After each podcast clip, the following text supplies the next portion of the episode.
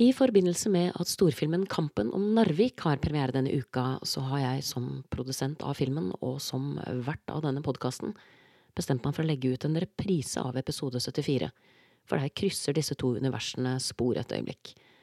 Der intervjuer jeg nemlig Sofie Polmar, som var vår hestetrener på sett, og det er jo rundt nå jeg kommer på at vi på vår rulletekst ikke har skrevet det som veldig ofte står, nemlig ingen dyr ble skadet under innspillingen av denne filmen. Og det var en tekst vi godt kunne hatt. Um, vi har nemlig veldig god oversikt over dyr på innspillingen vår. Det er nemlig bare Katla som er med i vår film. Men det var veldig kort fra at hun ble skadet, og ikke bare skadet, men kunne blitt alvorlig skadet. Litt opp den gata som skuespillere pleier å snakke om når de ønsker hverandre såkalt lykke til i forbindelse med innspilling eller teaterforestilling. Da sier de break a leg, og det var omtrent det landskapet vi befant oss.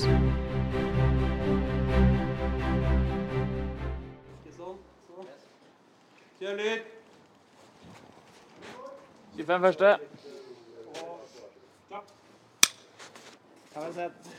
OK, er. Alle klare. Og vær så god!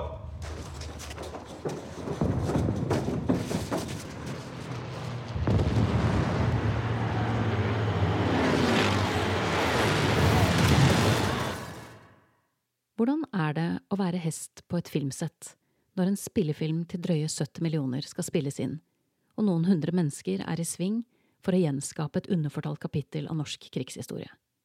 Hjertelig velkommen, mitt navn er Live Bonnevie, og dette er episode 74 og andre del i serien Hest på film, fra Hestenes Klan, en podkast om hester og hestefolk. I dag skal jeg ta deg med på innspillingen av storfilmen Kampen om Narvik. Hvordan forbereder man egentlig en hest før et filmopptak der jobben er å steile, mellom røykmaskiner, bombenedslag, kraner og kameraer?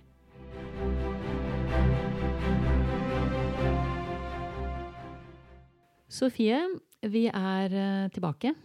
Mm, veldig hyggelig. Veldig hyggelig for meg òg. For sist gang så snakket vi jo om eh, triksetrening. eh, Litt om filosofien din, litt om hva vi vet om hvordan man lærer hester ting. Mm. Uh, Syns det ble en veldig berikende samtale, også fordi jeg liker så godt når jeg har gjester hvor jeg lærer noe selv. så det syns jeg var skikkelig stas. Og så har vi da hatt en plan om å møtes igjen for å snakke om hest på film. Mm. Eh, du ble jo ikke marinebiolog, Nei, jeg ble ikke det. sånn som du snakket om i forrige runde. Eh, og jeg ble ikke politi. Nei, ikke sant? Ikke sant? Og du røk vel ut da fordi du ikke kunne matematikk, og jeg røk ut fordi jeg så for dårlig. Ja. Eh, og så kan man kanskje bare være glad for det. For da havna vi jo i filmbransjen isteden. Mm. Så det vi skal snakke om i dag, det er rett og slett hest, eh, eller dyra, men primært hest, på film. Mm. Så kan det være greit å kanskje bare, og det vet jo ikke jeg så mye om heller, altså, har- dette har faktisk ikke du og jeg snakket om, selv om vi har vært kollegaer. Mm. Hva har du, Gi noen eksempler på hva du har vært med på med både hest og hund? Ja. Eh, nei, altså for meg så er jo den Det her er jo det perfekte love child mellom mine to interesser. er jo dyretrening, som jeg har drevet med i, altså siden jeg begynte med dyr. Fordi jeg har alltid vært interessert i atferd. Og film, som er jo da yrket mitt. Så jeg syns jo alltid at det var en sånn kul ting å på en måte jobbe mot, men så på det som ganske urealistisk. Men så tok jeg eh, filmutdannelse i Sør-Afrika, og var så heldig å få lov til å jobbe med en dyretrener der for film. Og det var jo da altså, afrikanske dyr, altså rovdyr og sebraer og alt mulig rart. Så det var jo supergøy og kjempelærerikt. Så det ble jo på en måte inngangen min til å faktisk tenke at oi, dette kan jo være noe eh, å gjøre. Og så har jeg jo gjort en del hund og ja. Hundene mine har vært med i litt reklamer, gjort den Otto Lotto-reklamen. Gjort en del casting på forskjellige ting. Eh, hundeansvarlig på litt forskjellige ja, filmer og sånn. Og så var jeg jo på var jeg dyreansvarlig på Tre nøtter til Askepott, som var kjempegøy. For der var det jo alt fra rotter til eh, hester og hunder og duer. Jeg tar en hest any day. Um, Og der har du et dyr eh, med òg, ikke sant? ja, der er, er eh, Moss, som er da rescue-hunden min fra Cape Town, med. Som jeg byttet mot en ødelagt støvsuger når jeg bodde der. Fra ødelagt støvsuger til filmskuespiller. Det er, den. Det er en ja, Askepott-historie. det er en Askepott-historie. Fra gata i Sør-Afrika til filmstjerne i Norge. Det er veldig morsomt. Ja, det er morsomt. Hvilken eh, Er det da Askepotthund han er? Ja, Ja, hun. så stas. Hun, ja. Mm. Mm, så kult. Det er en gårds, gårdshunden. Ja. Mm, Nettopp. så det blir gøy. Ja, det er kult. Ja. Og så er det jo Det er der Iver er. Iver til Mathilde Brandt. Mm, Som spiller eh, Det er prinsens hest. stemmer. Og hvem er det som er eh, Askepotts hest? Holteblå heter han. Ja, nettopp. Døl. Ja. En eh, fantastisk fin fyr. Så dere valgte å gå for norske raser. Ja, jeg ja, valgte å Det var et bevisst valg fra starten av at vi skulle gå for de norske rasene. Fordi det var en norsk setting på hele filmen. Så var det jeg var veldig glad for at regi og foto og hele produksjonen var med på det, da. For det er veldig lett å falle i den. Vi tar en PRE og vi tar en friser, og så ser det majestic ut, og så kan du finne de overalt, og de ser helt like ut. Men det å liksom tørre å gå for døl og fjording, det er veldig, veldig kult. Jeg syns det er gøy at de får lov til å skinne litt på film òg, for det er fantastiske raser. Ja, det er kjempestas, rett og slett. Veldig gøy. Så 'Trener til Askepott', et eksempel. Eh, og så har du gjort en del reklame, sa du. Mm. Ja, og litt eh, ja, noen andre spillefilmer, eller en annen spillefilm også med hund. da. Og så har jo vi da et uh, treffpunkt uh, knytta til film. Stemmer. Vi jobba jo første gang sammen på Den tolvte mann. Mm. Da var du produksjonskoordinator. Mm. Det var vel jeg også, i og for seg. Ja. Eh, på denne filmen så kommer du inn egentlig da som dyretrener. Du hadde nok vært med i produksjonsapparatet hvis du hadde kunnet, men du hadde et annet oppdrag, husker jeg. For Mm. ellers så ville vi gjerne hatt med deg på det. Men da kom du inn som på en måte dyretrener, og da satt jeg som produsent. Mm. Så det var litt sånn annen eh, deal enn sist. Det som skjer i min ende, er jo at vi sitter og skal lage en krigsfilm og har lyst til å ha en hest som kan steile. Mm. Det er på en måte bestillingen fra regissøren. Og så kommer det da inn i manus, og når det kommer inn i manus, så begynner apparatet å jobbe. Og siden alle da på jobben for lenge siden har fått med seg at jeg er mer enn måtelig interessert i hest, og du på det tidspunktet også lever med en fyr som jobber på samme film, så var det jo ikke noe stretch at det var der vi ringte. Men det var ikke tilfeldig heller. Nei. For vi, det er jo det som blir viktig for meg som produsent, det er jo at hvis vi skal bruke dyr i filmen, at det er dyr som er godt trent. Mm. Nettopp fordi at man vil unngå situasjoner som blir uh, ugreie. Man vil ha en hest som er blitt trent på en positiv måte, men også en hest som man er ganske sikker på at steiler hver gang den blir spurt, og ikke annenhver gang. Mm. Fordi at jeg har et apparat oppe å stå da hvor, eh, hvor både hundretusenvis av kroner og millioner av kroner noen ganger renner ut. Og da er vi liksom litt opptatt av at vi ikke tar flere tagninger enn nødvendig. Yep. Det er liksom sånn det ser ut i årene. Så da blir du ringt opp Mm. av den som på en måte er eh, Hva skal jeg si, han er holdt på å si fartøyansvarlig, men vi har jo da Når vi lager film, så har vi jo folk som har ansvaret for de ulike tingene som skal med, og da har vi typisk en som har ansvaret for å skaffe historiske biler, kanskje historiske båter, og denne fyren skulle da også skaffe hest. Mm. Så han spurte meg om tips, og så ble du kontakta. Mm. Og hva er det du tenker da i din ende, som den som på en måte eier hesten, når denne dialogen etableres? Nei, først syns jeg jo det er gøy, da. Eh, synes jeg syns det er morsomt å bli spurt. Og så vet jeg jo at jeg har en hest for jobben som kan gjøre den jobben godt. Men så er det jo alltid litt sånn Hva er forventningene til de kreative versus den personen som har fått beskjed om at den skal bare skaffe en hest som skal steile? Um, for det erfaringsmessig kan sprike litt. Det kan forsvinne litt informasjon på veien der et par ganger. Så Og er så kan det endre seg. Ja. Så som du og jeg vet, at man har noen tanker i hodet sitt på hvordan tror vi at dette skal se ut, og så kommer hesten, og så ser man plutselig en annen mulighet. mm, Og den muligheten har man kanskje lyst på. Absolutt. En av de mulighetene som dukket opp der, var kunne ikke den hesten hatt på seg seletøy? eh, og vært spent for en vogn når Ja. hun steilet. Eh, og hvis man ikke kan noe om dyr, så høres jo det veldig tilforlatelig ut, for hun kan jo steile. Ja, ja. Så, Kan ikke stå for vogn, da. Sofie Polmar, hvorfor kan hun ikke da steile med seletøy? Hun har jo aldri hatt på seg seletøy før, for det For første. sted. Har ikke kjørt inn. Å Å gud, hva skjer hvis en hest er spent for en vogn og begynner å løpe rundt på et filmsett når den ikke er vant til uh, uh, Ja, når den ikke er kjørt inn. Det er jo en uh, B om problemer.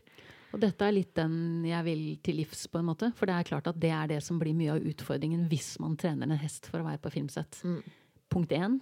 Det er ingen som vet hva en hest på mellom 400 og 700 kilo kan finne på hvis den får panikk. De har aldri sett det før. Så de har ikke fantasi til å forestille seg Nei. hvor fort og hvor galt det kan gå. Sånn er det bare. Yep. Punkt én. Punkt to. På det filmsettet så kommer det til å dukke opp ganske mange ting som de som driver med det, tenker dette er jo helt vanlig, for de gjør det hver dag. Eh, Hvor Katla i dette tilfellet tenker what the fuck. Da var hun veldig rolig, da. Han var veldig flink. Ja, fy fader, altså. Fordi hun hadde jo ikke vært borti mye røykmaskiner. Nei, i hvert fall ikke sånn lange tuber som ble lagt ned her. De røykla jo hele bakgården. Ja. Tok den med stoisk ro. Hun tok det med stoisk ro. Og det bringer oss inn på eh, et punkt som jeg tenker er viktig, og det handler om at du kommer ikke aleine med hesten. Nei. Og så tror jeg også et punkt som er viktig, er at jeg også jobber med film og vet litt hva jeg går til. Um, fordi veldig ofte i de situasjonene her så er det jo, som du sier, en person som ikke kanskje driver med dyr, som får ansvar og ringer rundt og tar disse telefonene. Og sier ja, vi skal ha med en hest på en film, og den skal stå i ro der. Kan du? Og så tenker man ja, ja, den kan jo stå i ro, den. Men kanskje ikke på et filmsett, og at man ikke helt skjønner omfanget da, av hvor mange personer som er i spill, og hvor mye, som du sier, ukjente elementer, og ikke minst hvor lange dager det er. For det Ja, og bare det at man snakker samme språk, da. Um, For det er jo en helt egen måte å kommunisere på på et filmsett, som kanskje også er ganske rart hvis man ikke er vant til det. Jeg fikk jo også for øvrig, det vet jeg ikke om du fikk med deg, men når jeg kom på sett der, så kom jo en av de der eh, fjordingkarene bort. Eh, For det var jo noen fjordinger som skulle være med en annen dag. Bare 'ja, ha med seletøy til hesten din'. Jeg bare nei. Var det sånn det starta? Jeg bare 'that's a no for me'. Det bare skal ikke ha på seg noe seletøy. Så Og jeg tenker jo på en måte kanskje at det kan være vanskelig å unngå de situasjonene helt 100% Altså Dels som du sier, fordi det er ikke, det er ikke regissøren som ringer deg. Nei. Så hva han har i sitt hode, eller hva hun har i sitt hode, det er ikke nødvendigvis filtrert godt nok ned verken i manus eller til den som tar dette videre. Nei. Og så er det jo vanskelig å si nei i sånne situasjoner. Ja. Hvis man kommer som en helt utenforstående og aldri har vært borti dette før, og du får dumpa et seletøy i armene, så ville jo veldig mange tenkt liksom ja, jeg får prøve, da. Ja. Men uh... Og det er jo kanskje den jeg tenker at jeg vil litt til livs, da. Mm. Eh, på vegne av min profesjon. For som filmprodusent og hestemenneske, uh, som ble også en av de Altså your wingman for the day. mm, Altså en av to som på en måte var med deg og Katla. Uh, og også sitte i den rollen som produsent, så blir det jo veldig enkelt, egentlig. ja, så jeg burde egentlig alltid ha med deg Ja. som produsent. Jo, men ikke sant? For at da sitter man jo på en måte ganske høyt opp i næringskjeden og kan være veldig tydelig mm. på hva som går og ikke går. Og da vet, vet folk at det er ikke fordi man er vrang eller, eller har primadonna-nykker, men det er bare det at det ikke går. Ja. Sånn er det. Akkurat som man ikke kan velge at himmelen plutselig skal bli grønn, så kan ikke den hesten plutselig ha på seletøy og være spent foran en vogn og steile Nei. når den ikke er innkjørt og aldri hatt på sel før. Sånn er det bare. Ja. Men når man ikke har det, som du sier, når det ikke er noen der For det, hvis jeg skal si noe om min egen profesjon som filmskaper, så er det jo at vi har fått et veldig godt rammeverk når vi har barn på sett. Mm. De har fått et utrolig godt sånn vern. Veldig. Ikke sant? Hvor lange arbeidsdager kan de ha? Ikke sant? Hvor lenge kan vi holde på om gangen? Hvor seint på kvelden kan det bli? Ikke sant? Hvordan gjøres alt? Det er veldig sånn gjennomregulert. De skal, så det skal sikres at de får en god opplevelse, at det ikke blir noe tull. Mm. En hest betraktes som en rekvisitt Ja. på lik linje med et historisk kjøretøy, da, som tilfellet var i kampen om Narvik. Ja. Så da kommer du altså til settet, eh, og det er en forventning om hva som skal leveres, og så er det ikke nødvendigvis da noe apparat som står klart til å takle at det ble noe annet enn det man har plutselig hatt en kreativ versjon om eller fått en idé om på sett. Mm. Og det å stå i det, det tenker jeg er ganske tøft når det er 70-80-100 mann på jobb. Mm. Og store kameraer og som jeg sa, pengene renner, og man merker presset. Ja. Har du, har jeg- du Jeg er så skamløs på det. Ja, det er bare jeg, det jeg, det er, eh, jeg går ikke på kompromiss av dyrenes bekostning. Men det er fristende å gjøre det, tenker tenker jo. jeg. Og man kjenner jo på det. Og jeg har jo vært i situasjoner hvor folk spør men kan vi ikke bare gjøre det en gang til. Kan vi ikke bare gjøre det en gang til, og vi gjør det sånn? Eh, kan vi ikke bare prøve? Så jeg, men ja. Der står jeg ganske trygt i mine egne sko, um, og tenker at det også er jo et av mine ansvar når jeg er ansatt for å gjøre en sånn jobb. Og det sikkerhetsnettet for det dyret er meg. Og da, da får heller folk bli litt sure, da, tenker jeg Ja. hvis det er det om å gjøre. Uh, og som regel så jo, blir jo ikke folk sure. Men de har jo, som du sier, en visjon på hva de vil ha, og vil så gjerne at det skal bli akkurat sånn. Og så er det ikke dessverre alltid det går. Eh, men det pleier jo å gå fint, det. Blir jo som regel fint uansett. Jeg tenker det blir eh, sånn som det ser ut nå, så blir det fint uansett. Ja. Men det er eh, interessant Altså, som produksjonsselskap, som jeg jobber jo da for Nordisk Film, Mm. så har vi jo dette som vi kaller altså ABC, Animal, Animals, Boats and Children. Som er liksom de tre faktorene som vi vet at er, er egna til å fordyre en film. da. Mm. Så det å da ha en som deg på sett som har den erfaringen Du starta i Sør-Afrika, så hadde du jobbet med en dyretrener der nede. Mm. Hvis man sitter der og har en hest som har begynt å lære triks, da, hvordan ville du anbefalt dem å starte hvis de ønsket å ta opp konkurransen med deg? Nå følte jeg plutselig at det er en kjemperar ting å spørre deg om. Hvordan kan vi lære opp konkurrentene dine? Nei, det, er, det går ikke. Det er lange arbeidstider og dårlig betalte. Nei, nei, aldri finne på det. Det, er jo, det skal jo sies at det er spesielt. Ja, det, er, det krever en spesiell type menneske, det tror jeg. Um, og det tror jeg også en del av de hesteeierne på uh, Askepott skjønte etter hvert. Ja. Uh, de ble jo i stor grad kastet ut i uh, en verden de kanskje ikke visste så mye om. Det er vanskelig å forestille seg, tror jeg. Ja. Hvordan det arter seg i praksis. Jeg syns jo det med røykmaskin med Katla ble egentlig et ganske godt eksempel. For at Mm. vi snakker altså om gjennomsiktige eh, Egentlig som et sånt slags lang plastpose, en brødpose, da. Ja. Ikke sant? I diameter omtrent. Mm. Som en sånn du ville puttet brød hjemme. Men den er altså da 10-15-20 meter lang. Mm. Og den blåser seg litt opp og ned, og det tyter ut røyk av den. altså, Det er faktisk ganske rart at hun bare ja, og hun som islandshester flest hevet jo et øyebryn og tenkte hva i all verden er det der? Men så på en måte aksepterte hun at ok, det er en bit av det. Og også når en sto i ro, og ut av røyken så kom plutselig en fyr med steadycam og eh, boom og grip og alt mulig gående ut og bare poppet opp rett foran henne. Så jeg syns hun takla det, takla det veldig kjempebra. fint. Ja, det syns jeg. Eh, men jo, hvordan man skal gå frem hmm. Ja, det er, jo, det er jo vanskelig å si, da. Det kommer jo veldig an på hesten og hva de skal gjøre i eh, de forskjellige settingene. Jeg tror det er en eh, veldig stor fordel å ha en hest som kan slappe av når den har mulighet.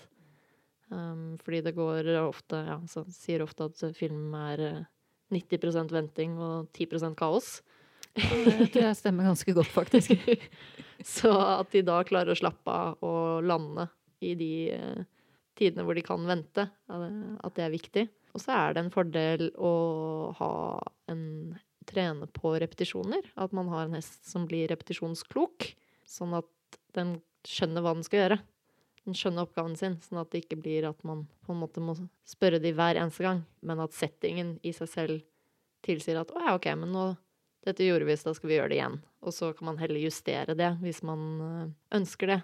Men sånn som ja, den settingen som vi hadde hvor hun skulle steile, så skjønte hun jo veldig fort når hun ble plassert tilbake der, og ting begynte å skje bak henne, så skulle hun steile. Og det er en fordel. det, det gjør i hvert fall øh, livet veldig mye lettere for alle involvert. De klarer å generalisere hva det er de skal gjøre. Og også eksempel bare noe så enkelt som å løpe fra A til B. At de skjønner at de skal løpe der og stoppe der. Og så skal de gå tilbake, og så skal de gjøre det igjen. De skal ikke løpe fra A til B, være dritstressa hele veien tilbake til A, og så dælje av gårde før de får beskjed.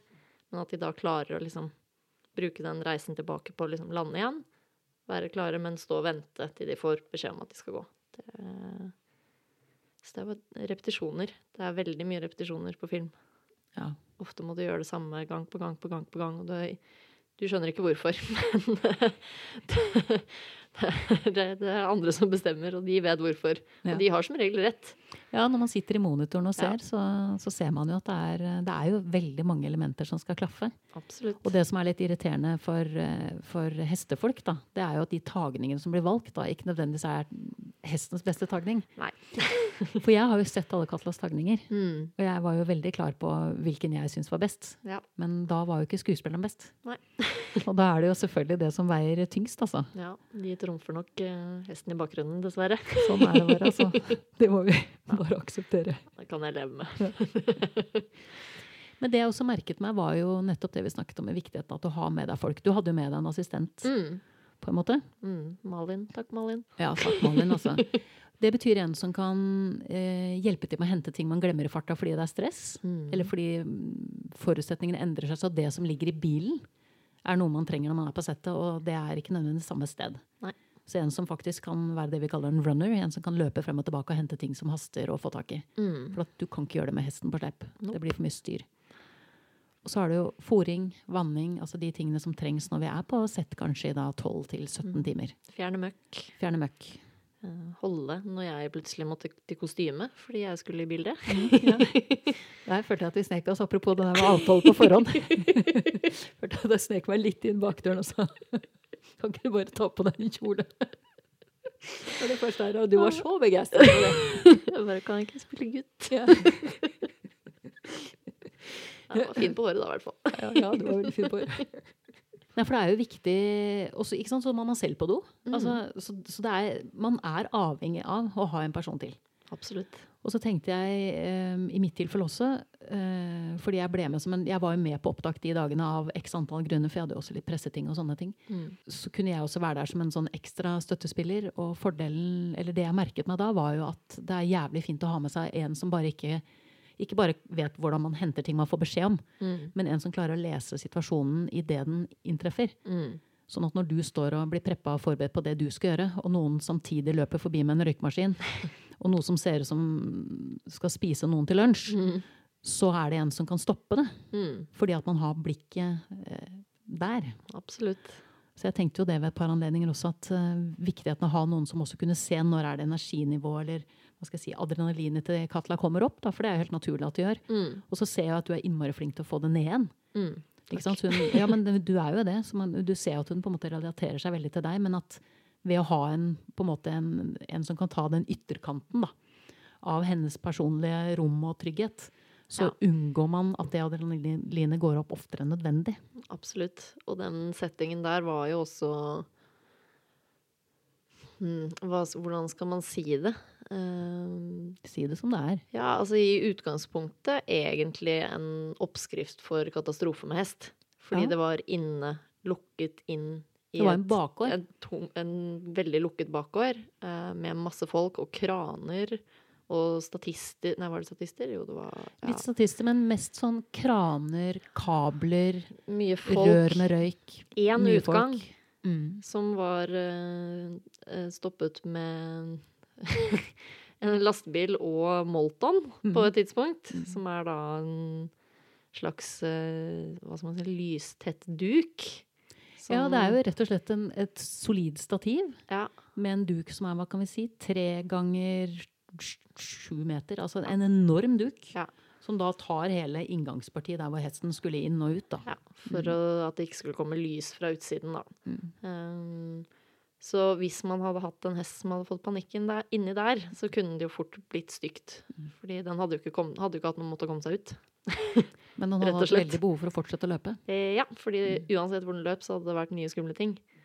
Um, og det som også var interessant med den dagen der, var jo at vi gjorde vel tre eller fire scener der inne hvor all scenografi, altså alt som var inne i bakgården, forandret seg hver gang vi var der. Så det var ikke bare det at hun måtte inn og ut av samme sted, men hun måtte inn og ut i samme bakgård, men hvor alt var forskjellig hver gang. så det var liksom en litt sånn Pandoras eske hver gang hun kom inn dit. Så var det liksom sånn Å ja, hva, gud, hva, hva er det som er skummelt nå? Hvor står det?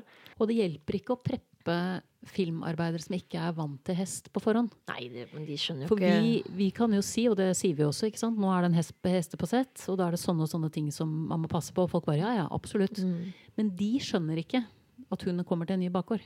Nei, nei.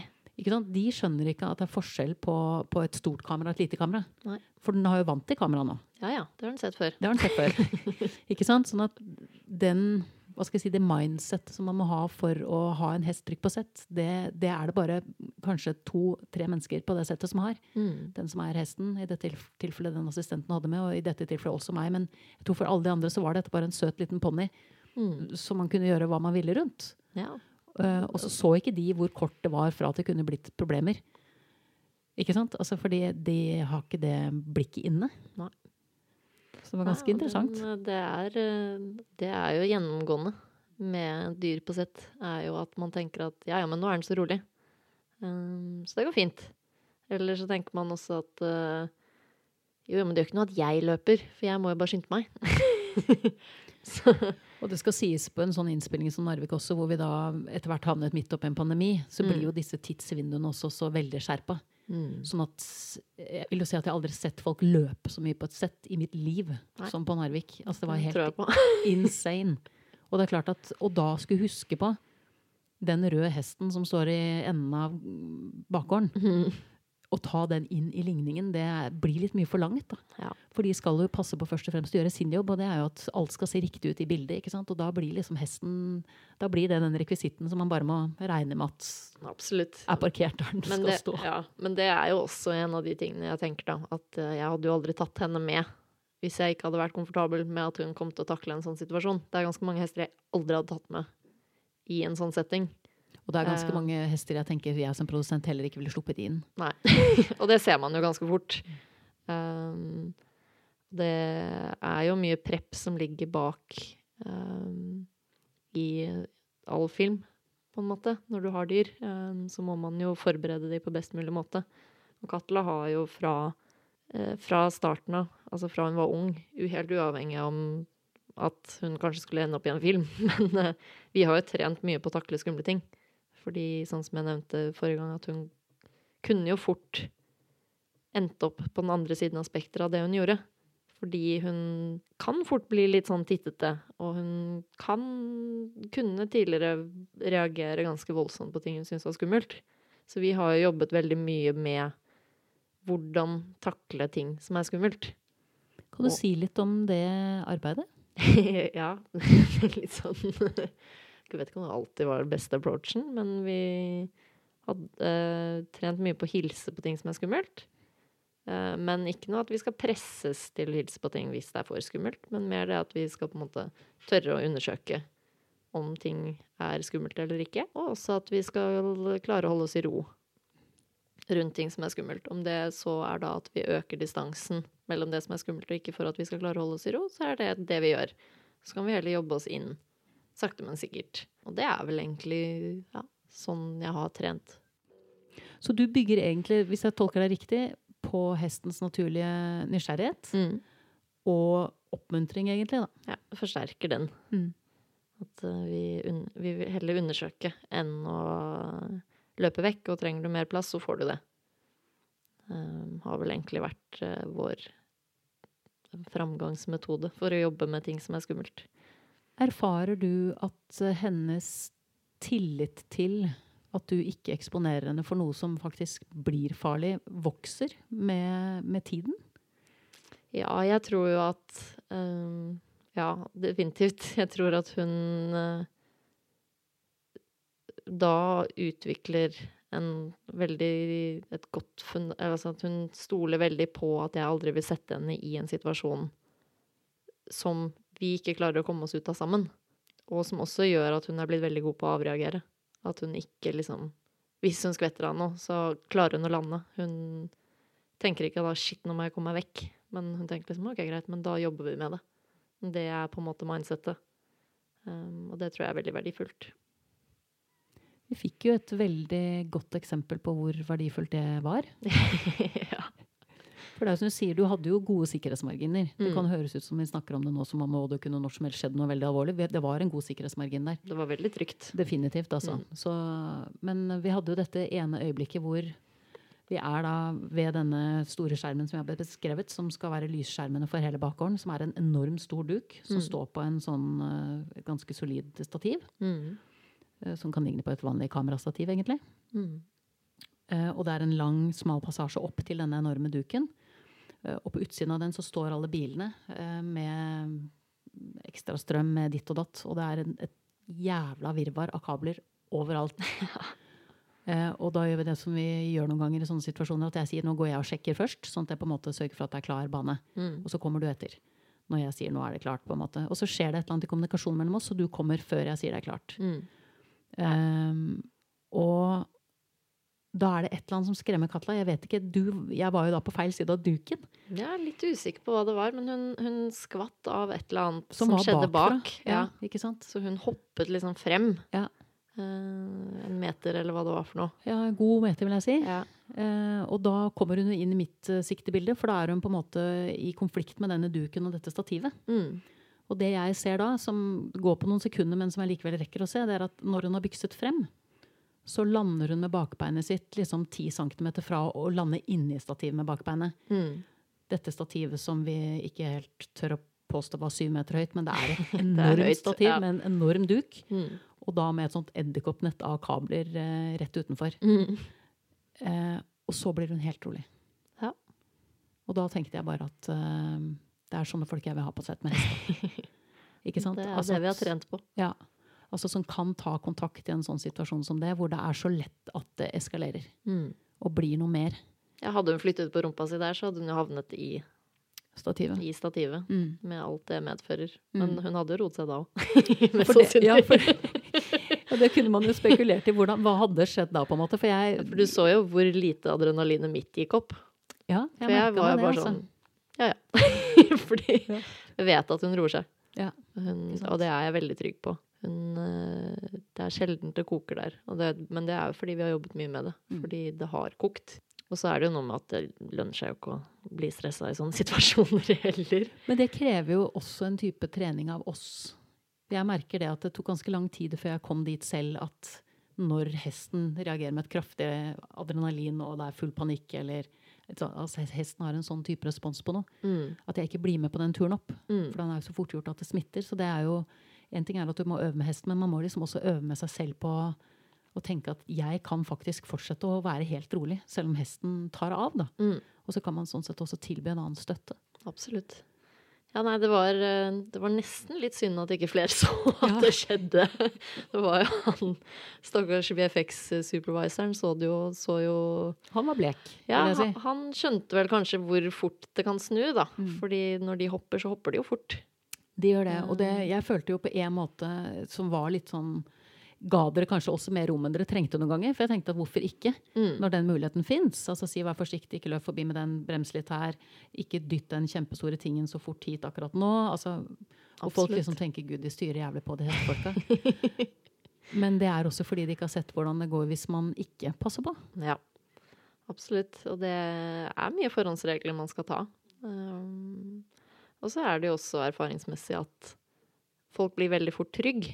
Um, at de kanskje i starten uh, er veldig gode på å ta hensyn, og så har det gått et par timer eller et par dager, og så tenker de at uh, ja ja, men nå går det jo så fint. Og så tenker de jo ikke over at for hesten hver eneste dag er en helt ny opplevelse. Eller sånn som hos oss, da. Hver eneste gang hun kom inn i den bakgården, var det jo i realiteten en helt ny opplevelse, fordi det så helt forskjellig ut. Så nå er jo hun heldigvis god på å generalisere, um, fordi hun alltid har vært med på mye ting og opplevd mye. Men um, det er ingen selvfølge. Det handler jo ja, om generalisering og eksponering, og at erfaringene er at nye steder skjer det kule ting. Um, og vi kan slappe av her. Det er ikke noe utrygt å slappe av. Hun sto jo på slutten av dagen der ved flere av tagningene, så sto hun jo bare og spiste. og syns det var jeg bare Ja, ja, der kommer det derre. Vet ikke hva de driver med, de kamerafolka, ja, men de får noe tusle rundt der, liksom. Jeg, mens jeg satt bak en kasse. I kostyme. Det ble noen varianter over tagningen, for å si det Ja. sånn. Um, ja, nei, men hun, jeg syns hun var veldig flink, jeg, altså. Ja, hun var kjempeflink. Ja. Og så var det veldig morsomt å se dere på jobb. Altså, jeg har jo sett deg på jobb mange ganger før, men da uten hest. Mm. ikke sant? Altså i produksjonskoordinator-type funksjon, produksjonskontorfunksjon. Men å liksom se deg som en hest som du har trent selv, var veldig Det var artig å se det i praksis, da. Ja, det var veldig gøy å være med. jeg syns det. Det var eh, Ja. Det var en lang dag, men det var veldig, veldig gøy. Har du tenkt, Nå har jo du hatt da Katla siden hun var du sa seks måneder, hvis jeg ikke husker feil. fra Mhm. sist. Og nå er hun 19. Ja. Har du tenkt noe sant, i forhold til at du har fortsatt lyst til å jobbe med hest på film? Har du tenkt noe i forhold til en, en arvtaker på sikt? Nei, jeg har jo lenge sagt at jeg skal ikke ha en ny hest etter Katla, fordi hun er hesten med stor H. Men de der jækla dølene, altså, de snek seg inn i hjertet mitt på Askepott. Og fjordingene òg, for så vidt. Så jeg tror nok at hvis jeg skal ha en ny hest, så blir det nok en av de norske rasene. Faktisk. Åh, det sitter dypt inne, altså, for jeg har drevet med islandshest lenge. Jeg sitter og er veldig imponert Ja. eh, på enden av bordet, men jeg kan forstå det. Mm. Fordi de har jo, det er jo noen av de samme kvalitetene som man liker med islandshest, som de eh, hestene også har. Det er noe veldig opprinnelig. Noe veldig Mm, ærlig. naturnært og ærlig. Jo, men Mm. det er, eh, det er noe der. Altså. Så jeg syns ikke det er litt sjokkerende, men det er ikke veldig sjokkerende. De har ikke tølt, da. Det er jo et problem. Men eh, Man kan leve uten telt. ja, man kan vel kanskje det. Jeg har jo islandshest uten trav, så når jeg begynte å ri de der store hestene, som jeg kaller disse dølhestene, så måtte jeg jo plutselig begynne å ri lett og sånn. Det var jo helt rart. Det hadde jeg ikke gjort på mange år. Men eh, jeg har vel ingen direkte planer nå om eh, ny hest. Eh, Det har jeg ikke. Men ja, vi får se, da. Jeg har holdt på med hest siden jeg var, var det, seks år. Det er tøft å skaffe seg en hest når man mister den hesten som Katla er for deg. Ja. Det Minner meg jo litt om min første hest, som jeg hadde i 17 år. Det, Mm. det var mange år med kjærlighetssorg, hvis man kan kalle det det. mm. Før man på en måte klarte å heve blikket og tenke den tanken at man kanskje skulle hatt en annen hest. Og jeg brukte jo ni år på Ja. å finne den hesten jeg har nå. Ja, det er ikke lett. Det er uh, sjelevenner. Men det fine er at hun er en islandshest, så, og hun har et, eh, levd et godt og sunt liv. Ja, hun er frisk og rask og uh, har jo ikke noe særlig grå hår eller nei. Jeg har troa på at det blir mange gode år. Absolutt. Jeg håper det, i hvert fall. Satser på at det blir mange gode år, og så at vi får sett dere på, på lerret i en annen film seinere. Ja, det hadde vært gøy. Men Kampen om Narvik blir første mulighet. Absolutt. Det blir gøy. Jeg gleder meg veldig til å se. Jeg gleder meg veldig til å vise fram. Sofie, du skal ha tusen takk for nok en veldig god prat. Jo, selv takk. Og all mulig lykke til med både hester og hunder. Takk. Og så regner jeg, tar det nesten for gitt at vi en vakker dag ses på settet enten med eller uten hest. I og med at vi jobber i samme bransje, så skal ikke det så mye til. Nei, det er fare for det. Det ser jeg fram til. Det har alltid vært veldig hyggelig å jobbe med deg. Jo, takk det samme. Du har nettopp hørt episode 74 og del 2 av Hest på film fra Hestenes Klan, en podkast om hester og hestefolk. Som det vil fremgå av traileren til Kampen om Narvik, valgte vi typisk å gå for en tagning der Katla ikke steiler. Men det skal sies at Sofies lille røde hest steilet på hver eneste tagning hun ble bedt om det. Da gjenstår det bare for meg å takke min faste komponist Fredrik Blom, Katla og min gjest Sofie Polmar, og sist, men ikke minst vil jeg takke deg, kjære lytter, for tålmodigheten. Måtte hesten for alltid være med deg.